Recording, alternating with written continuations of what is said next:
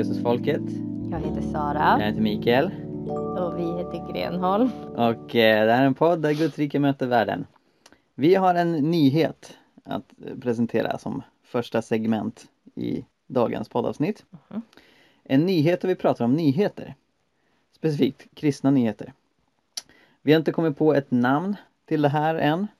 Jag föreslår Hett i den heliga pressen. Men Sara tycker att det är ett extremt fånigt och löjligt namn som inte borde yttras. Mm. Så jag tänker om ni har Ja. några förslag på vad det skulle kunna heta så får ni gärna skicka in det till oss. För jag har nämligen inga egna förslag. Jag, jag bara sitter här och tycker att allt är fånigt. Ja, men Eh, precis. men ni kan gärna komma med förslag. Jag lovar inte att jag inte kommer tycka att de är fåniga. Men eh, Nej men själva idén är att eh, jag har inte stött på någon som liksom på ett regelbundet sätt, någorlunda regelbundet sätt kommenterar just nyheter från de kristna mediekanalerna som Dagen och Världen Idag och Sändaren och Kyrkans Tidning och så vidare. Eh, I vart fall inte i poddformat, vad jag vet. Mm. Och det tänkte jag att vi kan göra för att vi pratar eh, mycket teologi, mycket samhällsfrågor och i den kristna pressen så möts det här på väldigt många intressanta sätt. Mm. Så först och främst tänkte jag att vi skulle prata om någonting som flera tidningar rapporterat inklusive Dagen. I Nederländerna i Haag så har det pågått en gudstjänst 24-7 sedan slutet av oktober. Eh, 26 oktober börjar den här gudstjänsten. Och anledningen till det är att enligt nederländsk lag så får polisen inte komma och arrestera papperslösa för utvisning om de befinner sig på en gudstjänst. Mm. Så för att ja, men hjälpa de här papperslösa för kyrkorna tycker uppenbarligen inte att de ska tvångsutvisas mot sin vilja till ett liv de inte vill leva Mm. så har de gudstjänst hela tiden Mm. i den här kyrkan. Alltså det är så... Jag tycker det här är så vackert. Ja, Och sånt så här, vilken insats ja, som folk gör och bara så här Nej, vi, vi tänker inte låta de här människorna utvisas och därför så tar vi det här extremt obekväma eh, kryphålet i lagen. alltså så här, fatta vad mycket men så här, vad mycket engagemang och vad många engagerade människor det krävs för att kunna ha en gudstjänst 24-7. Mhm. Och bara se, typ, se till att det finns mat, se till att det finns folk på gudstjänsten, se till att någon mm, predikar, se till att, alltså, att någonting händer liksom, på gudstjänsten. mm. För jag tror inte man kan ha eh, en gudstjänst utan att någonting händer. Eller typ att nu ska vi bara vara tysta i några timmar. Nej men verkligen och, och det kommer folk från hela landet för att vara med på den här gudstjänsten. 300 präster har Mm. Wow. anmält sig som villiga att leda den. Yes! Så de liksom eh, för stafettpinnen över till nästa präst som fortsätter leda gudstjänsten. Och det här har hållit på i över en månad. Mm. Och, och givetvis är det så att när tidningarna börjar skriva om det här så har ännu fler blivit intresserade och, Mm. och är med på Så gudstjänsten. Så häftigt! Och också ja, men väldigt bra att det faktiskt är lag i Nederländerna. I Sverige finns det en princip Mm. av kyrkofrid men den är inte juridiskt bindande. Nej, precis. Så det blev ju stor kalabalik på 90-talet när polisen stormade Alsike kloster Mm. och arresterade de papperslösa som befinner sig där. Mm. Och många så här, svenska politiker och, och debattörer blev förvånade över det stora internationella raseriet kring det här. För liksom när, när eh, italienare och polacker och britter och amerikaner läser ja i Sverige stormar polisen ett kloster. Då Mm. blir alltså de blir helt tokiga. Vad håller ni på med? Mm. Vad är det här för någonting? Mm.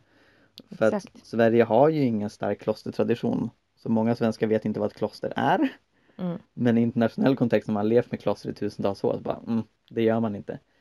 Sen ef- efter det så har polisen inte gjort någon razzia på Alsike kloster fram tills nyligen. Så jag tror det bara var förra året. Mm. Så gjorde de en på nytt. Mm. Och då blev det tyvärr inte särskilt stor debatt om det Nej. den gången. Eh, så i Sverige finns inte en sån lag men Nederländerna har tydligen en, en sån typ av lag. Att man faktiskt Mm. inte får arrestera papperslösa om de är på gudstjänst. Mm. Vilket är Så så vettigt. Så bra. Och då kanske folk klagar på, ja men då kan en sån här situation uppstå för att liksom folk ska komma undan lagen. Men ärligt talat, papperslösa är inte kriminella. Så Mm. pa- papperslösa är de enda individerna som kan arresteras och fängslas utan att ha begått ett brott. Mm. Och hela det systemet är paj i sig självt. Mm. Så jag tycker att när man liksom kringgår systemet på det här sättet så gör man nog väldigt bra. Absolut. Ska vi hoppa till en annan nyhet som det Mm. har diskuterats väldigt mycket kring. Ehm, John Allen Chow eh, var missionär utbildad på, eh, jag tror det var Oral Roberts University i USA. Eh, som bland annat Ulf Ekman också har gått. Han var missionär och åkte till Irak och Kurdistan för att missionera. Men han hade en nöd för en totalt onådd folkgrupp som befinner sig på en ö utanför Indien Mm. eh, och han åkte dit för att missionera och blev dödad. Så den här ön heter North Sentinel Island. Eh, befolkningen där har inte haft eh, kontakt med modern civilisation någonsin. Mm. De har varit isolerade på den där ön beräknar man i 10 000 år. Mm. Eh, och eh, han kom dit han, han kom dit två gånger, så första gången blev han attackerad med pilar men överlevde. Och då hade han ropat jag älskar er och Jesus älskar er. Och nu försökte han då igen och blev dödad av befolkningen där. Och det här har skapat jättestor debatt. Är John Allen en martyr och inspirerande missionär vars exempel vi ska följa? Eller är han mer av en okänslig närmast eh, kolonialistisk ingripare på den lokala kulturen? Vad är våra tankar kring detta Sara? Det beror väl på, alltså jag tänker att mission, missionär och mission och kolonialism behöver inte stå i motsats till varandra. Även om det i den bästa av världar skulle vara så. Mhm. Eh, nej men, eh, för det finns ju extremt mycket kolonial mission som har bedrivits genom åren. Att man ehm, Ja men eh, att, att man bedriver kulturmission mer än bara rent och skärt evangelium. Ehm, att, så här, att man är extremt kulturokänslig, att man så här, bestämmer typ att ja, nu ska ni börja sjunga sånger som vi har sjungit i väst i en massa år. Eh, och typ helt och hållet utplånar en musikskatt från ett folk som har haft sin egen musik i tusentals år. Alltså, Mm eh, det är så sorgligt, så sorgligt vad missionen har ställt till med, men också vackert vad, vad som har hänt genom missionen. Mm. Ehm, ja, så det är väldigt dubbelt och jag vet inte vad han hade för inställning, men jag tycker bara så här allmänt svindålig strategi. Bara ställa sig där bara Jesus älskar er. Bara, ett, du vet inte vad de har för språk. Nej, Eller ja, hur? Nej, nej men precis, jag läste någonstans att han, han kunde inte deras språk för jag tror inte någon kan deras språk. Alltså, Exakt. ingen har kontakt Ingen med den får här gruppen. kunna deras språk. Nej, nej, nej men precis, så att det, det är jättesvårt. Nej, men, och sen också bara, de här människorna har absolut ingen koppling till namnet Jesus. De har, alltså så här, vad spelar det för roll? De kanske inte ens har konceptet att älska någon. Alltså, de kanske uttrycker det på ett helt annat sätt. Eh, och alltså det, det är inte, alltså det är bara så extremt dålig strategi. Eh, och så här, det, alltså Nej men han borde ju kunna räkna ut att han kommer dit och är extremt hotfull. Mm, Står där med jättekonstiga kläder och med jätte, alltså så här. Eh, ja, och, och han är också ett hot på riktigt, ja, förmodligen. För att en av de främsta anledningarna till att den indiska regeringen verkligen förbjuder människor att besöka den här ön Mm. Det är att den här befolkningen löper stor risk att drabbas av infektioner. Ja. Vanliga bakterier och virus som vi har utvecklat immunitet Exakt. mot men som de inte har gjort. ja. Men men det var ju det som hände i, eh, alltså med många native americans. Jag vet inte vad det heter på svenska, om det finns något bra ord. Jag gillar inte ordet indianer alls. Nej verkligen. Eh, men, eh, om amerikansk ur, ur- urinvånare, ur- ursprungsbefolkning. ja, ursprungsbefolkning. Mm. Eh, att det, det var ju, vad var det? Det var typ så här, kring 90 procent av dem som, som dog. Mm. Eh, på grund av att européerna kom med sin smitthärd. Mm. Eh, och då var det ju helt extremt hur mycket smittor vi hade i Europa också men, Mm. men fortfarande. Eh, alltså att kom, alltså, han kommer ju dit med risk för deras liv. Mm. Så det är ju på ett sätt ett ganska så här, egoistiskt sätt att missionera. Eh, Ja, alltså så här, jag, jag, jag skulle inte dra det så långt. Man har hittat eh, dagboksanteckningar från honom. Och jag skulle Mm. definitivt säga att han har verkligen ett hjärta för den här befolkningen. Jag skulle definitivt säga att han vill dem väl. ja, men, ja. men och, och verkligen så här, nej men de här människorna behöver Jesus, vilket jag håller med om. Mm. Problemet är att det är väldigt ovist och drastiskt ogenomtänkt sätt att, att göra det på. Vissa har sagt så här, ja men de här befolkningarna ska vi liksom eh, läm lämna åt sig själva för alltid ungefär. Vi, vi, vi ska liksom inte ingripa. Eh, jag har sett kristna som liksom argumenterar för det. Och det, det kan jag inte skriva under på av två anledningar. Jag tror verkligen att alla människor behöver Jesus. Jag tror att den här gruppen, likt alla andra grupper, har det bättre med Mm. Jesus än utan. Plus att även om det finns stora problem med modern civilisation som den här gruppen slipper, jag tror inte de bidrar till klimatförändringar särskilt mycket. Jag tror inte att de lider av stress och övervikt lika mycket som oss eller Mm. cancer. Eh, så finns det också vissa fördelar som de här eh, inte får del av. Jag tror till exempel att de har väldigt hög barnadödlighet och mödradödlighet Mm. och så vidare. Mm. Så jag tror ändå att, att eh, eh, det går att liksom eh, få ett positivt utbyte av möten mellan kulturer. Jag, jag är för mångkultur av den anledningen. Mm.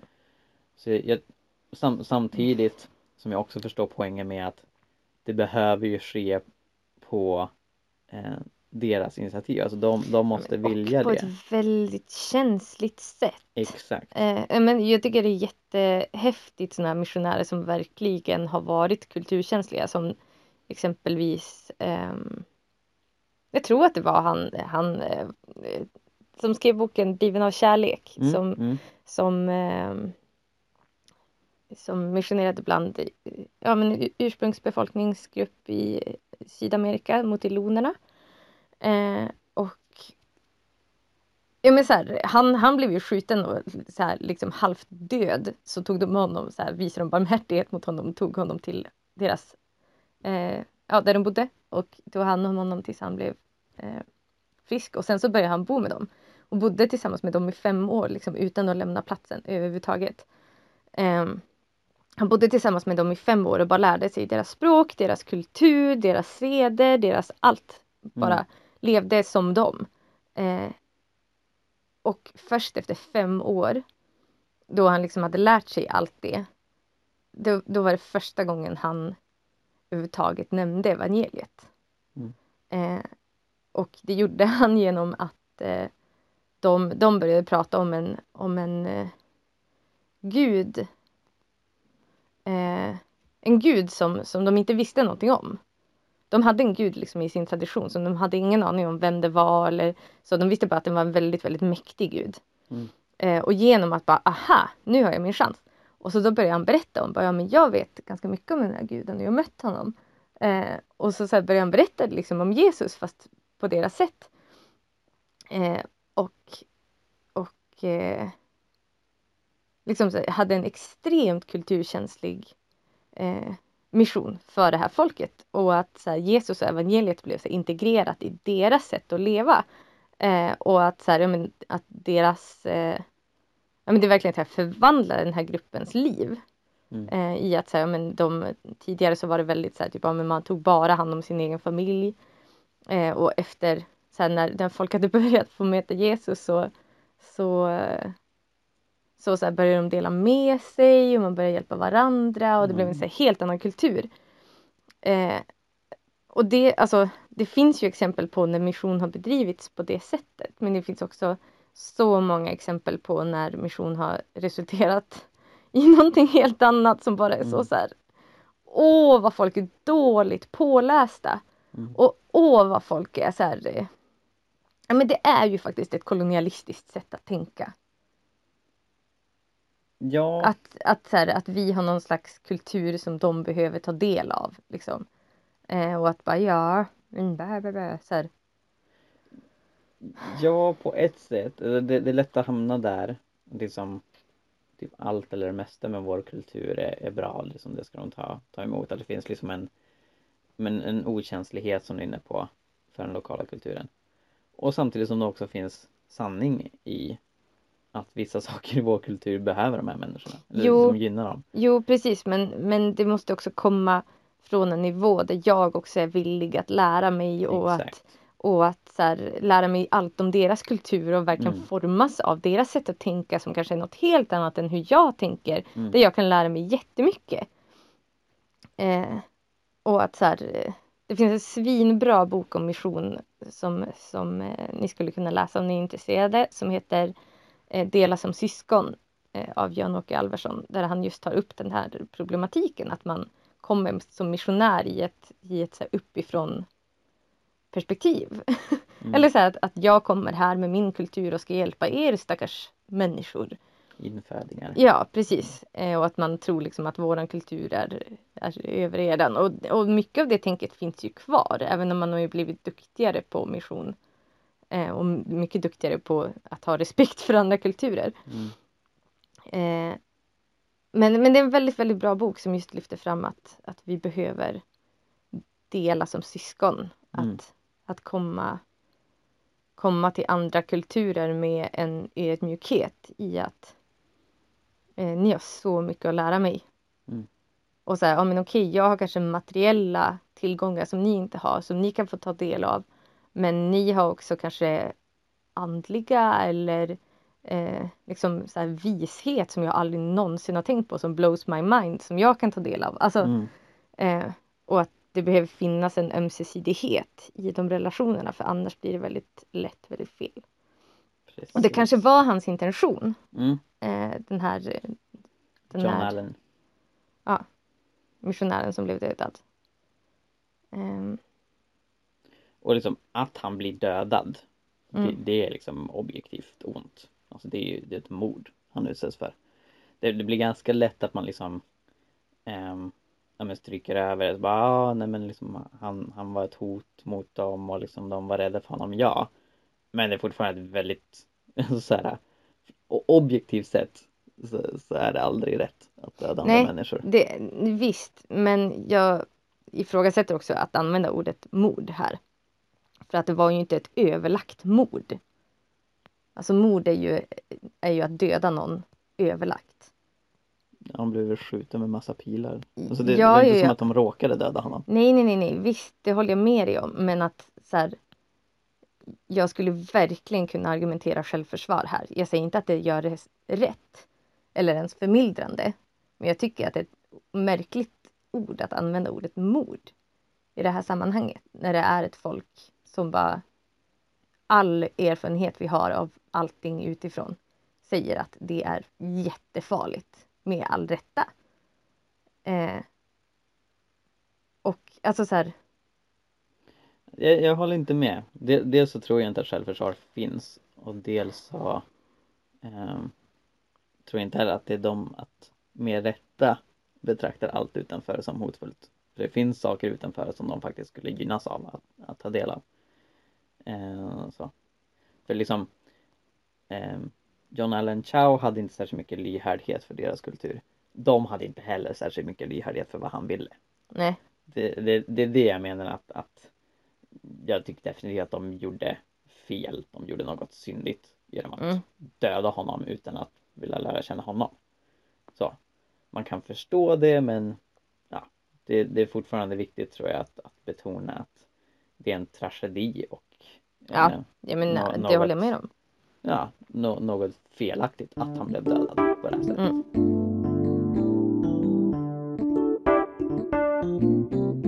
Låt oss gå till huvudtemat för dagens avsnitt.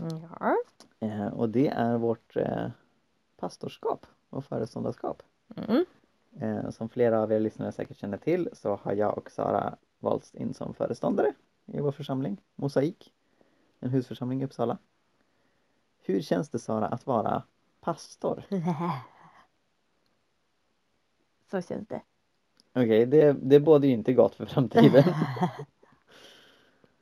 Nej men, nej men grejen är att jag, jag tycker om den här rollen. Jag skulle säga att jag har haft en pastorsroll i den här församlingen eh, under en ganska lång tid.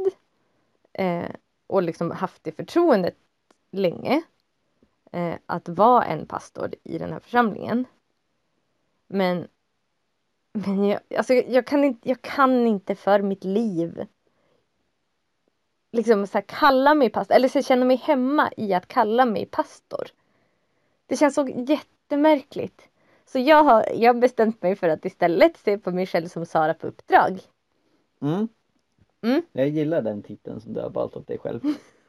Sara på uppdrag. Sara på uppdrag. Det, det låter som du är någon slags dataspelskaraktär. Ja men det känns också som att jag behöver en liten fanfar. Di, di, di, di. Sara på uppdrag. Ja. Till undsättning. Och varför är ordet uppdrag lättare för dig att höra om dig själv än pastor? Nej men eh, det för det, alltså pastor är någonting som, som både andra och jag själv lägger in så mycket i. Eh, att en pastor ska vara en viss typ av person och att det ska, eh, men, ja, att det ska vara så, jag vet inte. Sen har ju problemet med, med fenomenet att ha anställda pastorer eller så här, att utnämna vissa till pastorer överhuvudtaget. Men det ska vi prata mer om sen. Eh, men Ja, men det, det känns som att det läggs in så mycket i det. Att, så här, Mm. att kalla sig pastor, bara hej Sara, jag är pastor. Alltså att folk får en sån bild av en då Mm. som inte alls stämmer med vem jag är. Mm. Men så känner jag ju kring det mesta egentligen. eh, ja. Så, men det är ett ord jag verkligen inte alls känner mig hemma i. Mm. Och det känns som att det kommer bara öka det här behovet som jag har att visa att jag är inte som du tror. Mm. Det behovet. Mm. Du känner att det blir många förväntningar och många men så här, ja, men, tydliga bilder av hur du ska vara om du Ja. beskrivs som pastor och föreståndare. Ja, och att det förväntas att jag ska vara så lugn och mild och blid. Och, och eh, trivas med, med att vara predikant. Och att... Eh, ja, Du är väldigt duktig på att predika och tala. ja, ja, men, men inte på det sättet. Jaså? På vilket sätt är det det? Nej, men jag, jag vet inte. Eh, Jag vet inte. Spännande. Alltså, jag var på frizon 2009. 2010 måste det ha varit. Och då så var det en kille som jag aldrig hade pratat med.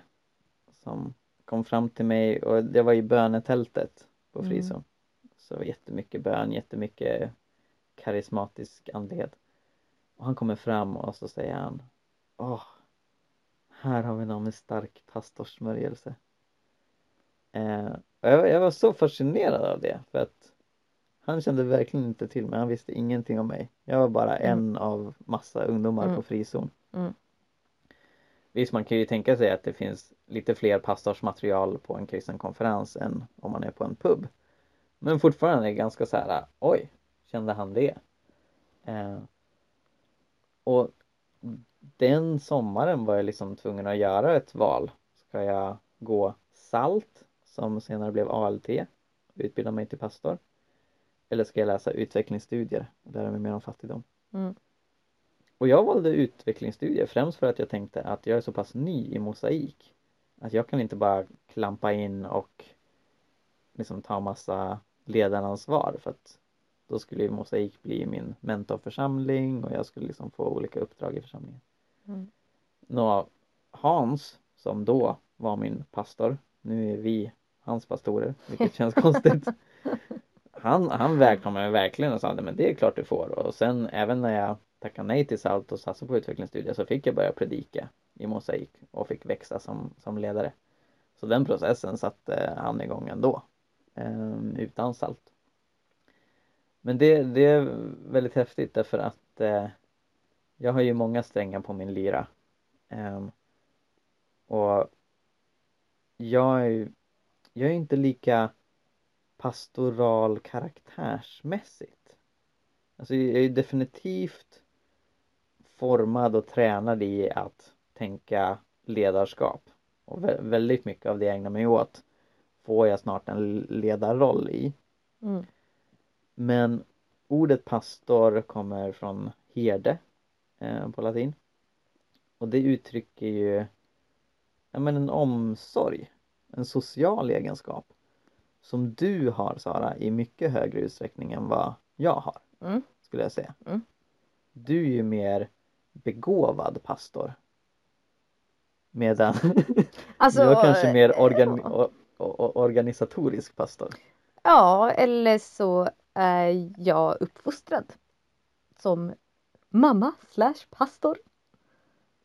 Nej men, nej men att kvinnor uppfostras till att vara omvårdande och ta extremt mycket socialt ansvar och sånt där. Mm. Och det kan ju jag eh, liksom klämma in i en pastorsroll väldigt lätt. Ja. Eh, no, och det skulle jag ändå säga att där, alltså, där är ju uppfostran kanske. Alltså upp, eh. uppfostran spelar mm. definitivt in men du är också ganska exceptionellt bra vän. Och jag, jag tycker att du är väldigt bra på att, att se människor även i jämförelse med många andra kvinnor jag känner. Eh, det är definitivt sant att kvinnor överlag är bättre på det än mig för att få uppfostra olika. Mm. Jag skulle också säga att du verkligen har en, en social nådegåva. Sara. Tack. Ja.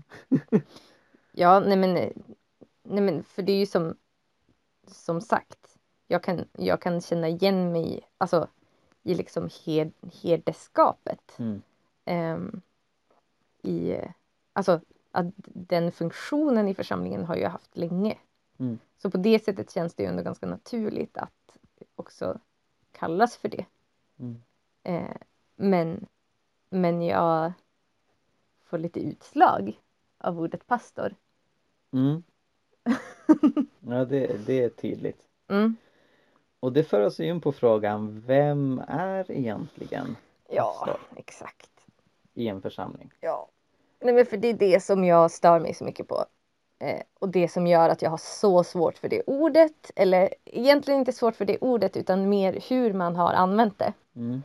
Eh, att så här, eh, men att en person som är anställd för att predika eh, och typ eh, ha så här, administrativt ansvar ofta i församlingen och kanske lite själavård på det kallar man uteslutande för pastor. Vilket jag tycker är en märklig titel. Egentligen.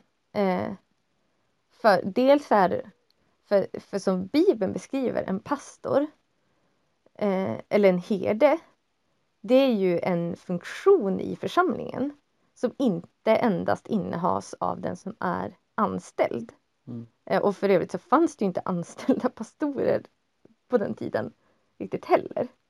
Nej, alltså Paulus uttrycker sympatier för idén att man ger ersättning till eh, den, den som leder församlingen.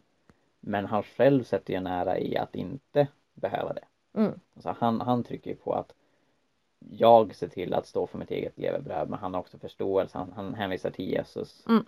Eh, att att eh, man ska inte, att arbeten är värd sin lön och så vidare. Mm. Nej men och grejen är, jag, jag är inte emot att man har anställda i församlingen.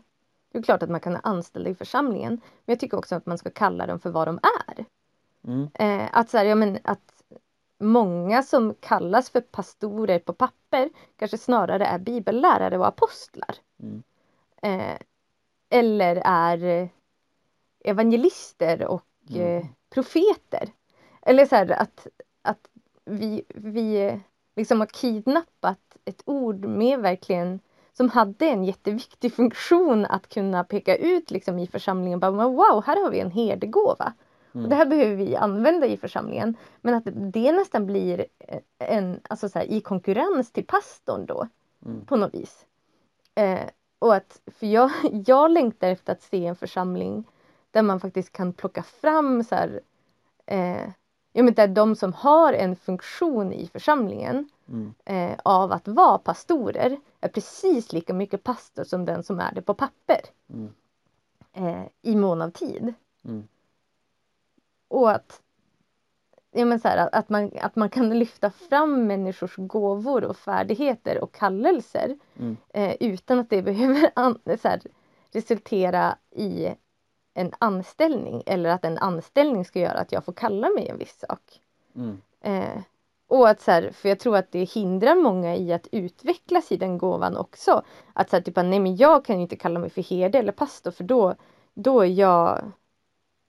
Eller så här, det är typ, nej men för jag är ju inte anställd. Mm. Trots att man verkligen har den gåvan och Mm. så. Och att också att hela det ansvaret ska hamna på en person som är anställd eller på papper kallas för pastor. Mm. Eh, tycker jag är problematiskt. Ja, precis. Och det har verkligen skett en inflation i hur man använder pastor. Mm, I att det används om nästan varenda person som anställs. Mm.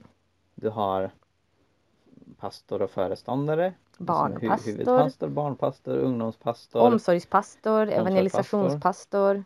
Ja, det blev ju min titel. Ja. Eh, för vi kom överens om att för att jag liksom verkligen skulle kunna lägga mer tid på församlingen så skulle jag få lite ersättning för det. Mm. Och då skulle mitt huvuduppdrag vara evangelisation. Och det här var tidigare år innan vi fick uppdraget som föreståndare. Och då tänkte jag, okej, okay, men då blir jag evangelist.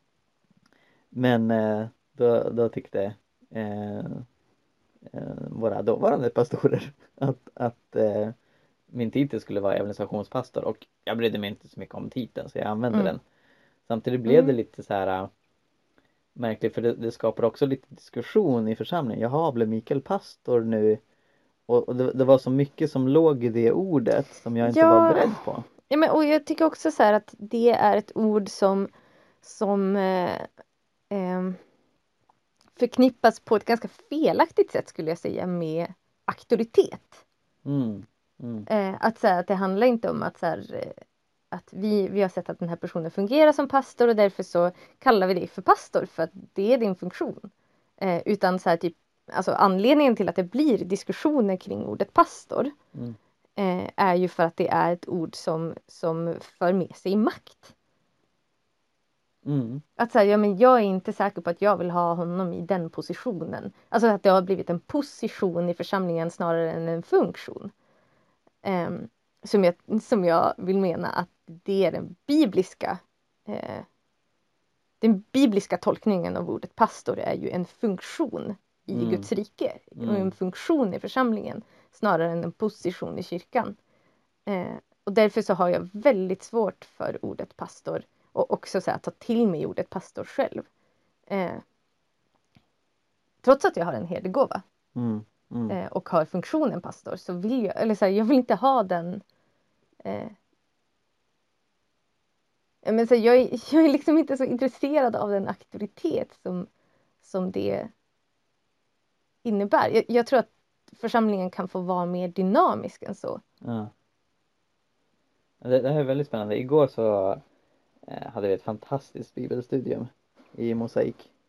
Eh, vår vän Memory som kommer från Mm. Malawi undervisade om de dödas uppståndelse och sådana saker du aldrig hade hört Ja. tidigare Sara. Men som är så, alltså så, så ögonöppnande. Ja, Så sjukt bra. ja nej, men verkligen. Ah. Hon är fantastisk. Ja. Och hon, hon inledde med att säga ja det här blir lite svårt. Nu ska ju jag undervisa för pastorerna. Ah, och vi bara Memory du kommer göra fantastiskt jobb och det gjorde hon också. mm, Eh, och hon var ju medveten om det men hon, hon skojar lite kring det om hur hemma i Malawi när liksom pastorn sitter med mm, hur folk som, som vanligtvis är deltar, alltså jag antar att de pratar med dig i cellgruppssammanhang mm, som vanligtvis deltar i diskussioner om Bibeln plötsligt blir tysta. mm. Man vill inte säga något fel inför Mm. pastorn. Exakt. Och hon, hon kunde ju skratta lite åt det men, men liksom Ja, men det, det pekar på, som, som du säger, att titeln för med sig mer än vad Paulus talar om när han Ja. beskriver olika tjänstegåvor. Han Ja, listar apostel, profet, herde, det vill säga pastor, evangelist och lärare mm, i Efesierbrevet 4.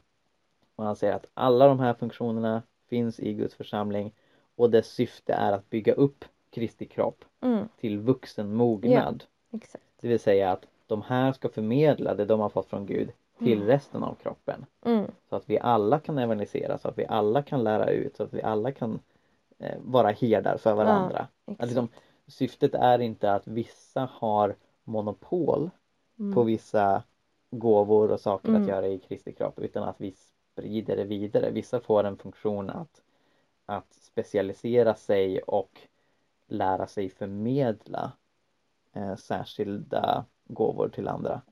Men just Mm. det liksom syf- syftet är att vi alla berikas mm, av vad de här människorna har tagit emot från Gud. mm, Och det är ju verkligen en decentraliserad syn på ledarskap mm, som, som Paulus uttrycker. Eh, och det är ju också att det liksom kan se väldigt olika ut i konstellationer för den tidiga kyrkan precis som vår församling var bestod av husförsamlingar. Exakt. Eh, man samlades i hem, man kunde inte samlas allt för många på en och samma plats. Mm, Och då kan en grupp se annorlunda ut än en annan. Och så finns de här människorna som rör sig mellan grupperna, som rör sig mellan olika husgrupper så att säga. Mm. Så som Paulus själv. Eh, för att berika dem. Mm. Det är därför han liksom, när han skriver ett brev så säger han, men skicka det här brevet till församlingen som samlas i den och dens hus. För, för liksom, men en ledares roll är ju i princip att binda samman olika gåvor och erfarenheter. Ja, men och att, alltså så här, för det jag ser kanske främst som, alltså en av mina främsta uppdrag nu när jag är på uppdrag. eh, nej men det är ju att, att se andras gåvor, lyfta fram dem och eh, ja, men så här, utmana och utrusta andra Mm. i det eh, men i det som, som Gud har gett dem. Mm. Eh, och det, det ser jag kanske som, alltså just det här att det ledaransvaret. Mm. Eh, att att eh, hjälpa andra att, att gå vidare och utvecklas. Det ser jag kanske som min främsta uppgift. Egentligen. Ehm, men, att, men sen också så skulle jag säga också när jag ser på våran församling eh, att det finns ju många fler än oss som är Ja. pastorer i församlingen. Alltså som så här, Hans och Lotta slutar inte vara pastorer bara för att vi fick den titeln nu. Eh, utan de är ju, de är ju verkligen så här, eh, ja, men så, så sjukt mycket pastorer och så mycket pastorer man bara kan bli. De är ju så här Ja. herdar verkligen. Eh, och har så mycket den funktionen i alla sammanhang där de befinner sig. Ja, verkligen. Eh, Verkligen. Och det tänker jag så här att jag vill inte sluta kalla dem för pastorer. Jag är inte deras pastor, vi är pastorer. Mm. Däremot så har jag ett annat uppdrag och ett annat ansvar Mm. i församlingen. Mm. Men de är precis lika mycket pastorer som jag. Ja, nej, men verkligen. Alltså, Och det, kanske ännu mer. det är så häftigt Sara. Vi, vi har en så begåvad församling. Eller Ja. Egentligen, egentligen kanske det Ja. är så här. Vi ser det tydligare för vi kommer så nära Mm. människorna i vår församling. Men det är verkligen varenda en. Jag vill bara sitta och tänka på de som är med i församlingen. Mm. Varenda en har sådana fantastiska gåvor Mm. som de bidrar med. Mm. Och det är, liksom, det, det är så spännande att få vara, få vara med och liksom leda och, och ja, men hjälpa en sån Mm. grupp fantastiska lärjungar. Mm. Ja. verkligen. Eh, Nej, men, och också så vackert hur liksom Gud, trots att vi är ju en väldigt liten församling, vi är ju typ 20 pers. mm, eh, så har Gud ändå så här försett oss verkligen med så många begåvade människor. mm, Eh, och, ja, men så här, och så många människor som bara längtar efter att få utvecklas och Mm. att få, eh, ja, men, få komma i funktion. Liksom. ja, verkligen. Vi har fått uppdrag, vi har fått ett nytt uppdrag Mm. ville vi kommunicera idag. eh, och dela med oss lite reflektioner kring det. Ja. Eh, och jag... Eh, åh, jag längtar verkligen efter att pastor ska få bli något annat än anställd. Mm. Och att se fler, alltså så här, att, att församlingar bara eh, Nej men att, att pastorer bara poppar upp som krokusar ur snön Ja. i församlingar över Sverige och också får liksom utvecklas i det. Eh, ja. Utan att känna bara åh, jag måste utbilda mig till detta och ta anställning i en församling. Mm. Utan bara så här, ja men bejaka den funktionen. Mm. Eh, och så här claima det ordet. Mm. Det längtar jag efter. Jag med. Ja, men, men det här är ju också intressant. Förlåt, nu tar jag upp en, en annan sak precis i slutet. Men det här är också intressant för vi har ju haft ganska mycket dispyter kring detta, Mikael. Att du har haft ganska svårt att förstå till en början. Kunde bli ganska ledsen när jag pratade om att, att eh, pastorskap, eller så här, min syn på pastorskap. Ja, alltså det var ju främst för att du ett tag uttryckte dig väldigt drastiskt om just eh, anställningar. Alltså så här att du tyckte att du, du var emot att eh, någon överhuvudtaget blir anställd. Eh, att, att pastorer blir anställda. Eh, det var främst det som jag reagerade på för jag tyckte det gick för långt när du sa så. Men sen har det visat sig att det var inte exakt så du menade. Nej, och jag vet inte om det var exakt så jag sa heller. Men det var så du tolkade det. Ja. Men det var också Ja. en väldigt en period när jag var en väldigt känslig människa för jag var väldigt kär och väldigt förälskad och väldigt orolig för att inte var perfekt. Eller kanske ännu mer orolig för att jag inte var perfekt. Ja, vilket vi tack och lov har insett att ingen av oss är. Ja, jag, jag trodde fortfarande att du var det. Det hoppas jag verkligen. Okej, tack så mycket för att ni har lyssnat på detta avsnitt Mm, av Jesusfolket. Tackar Ni når oss. Jesus folk. På sociala medier eller jesusfolket.gmail.com om ni har feedback eller vill vara med. Eller säga något roligt. Eh, nu tror jag du täcker för mikrofonen med din armbåge. Ja, det gjorde Ja, jag. det gjorde du. Sådär. Eh, Gud välsigne er alla lyssnare. Hoppas det var bra ljudkvalitet. Hej då! Hej då.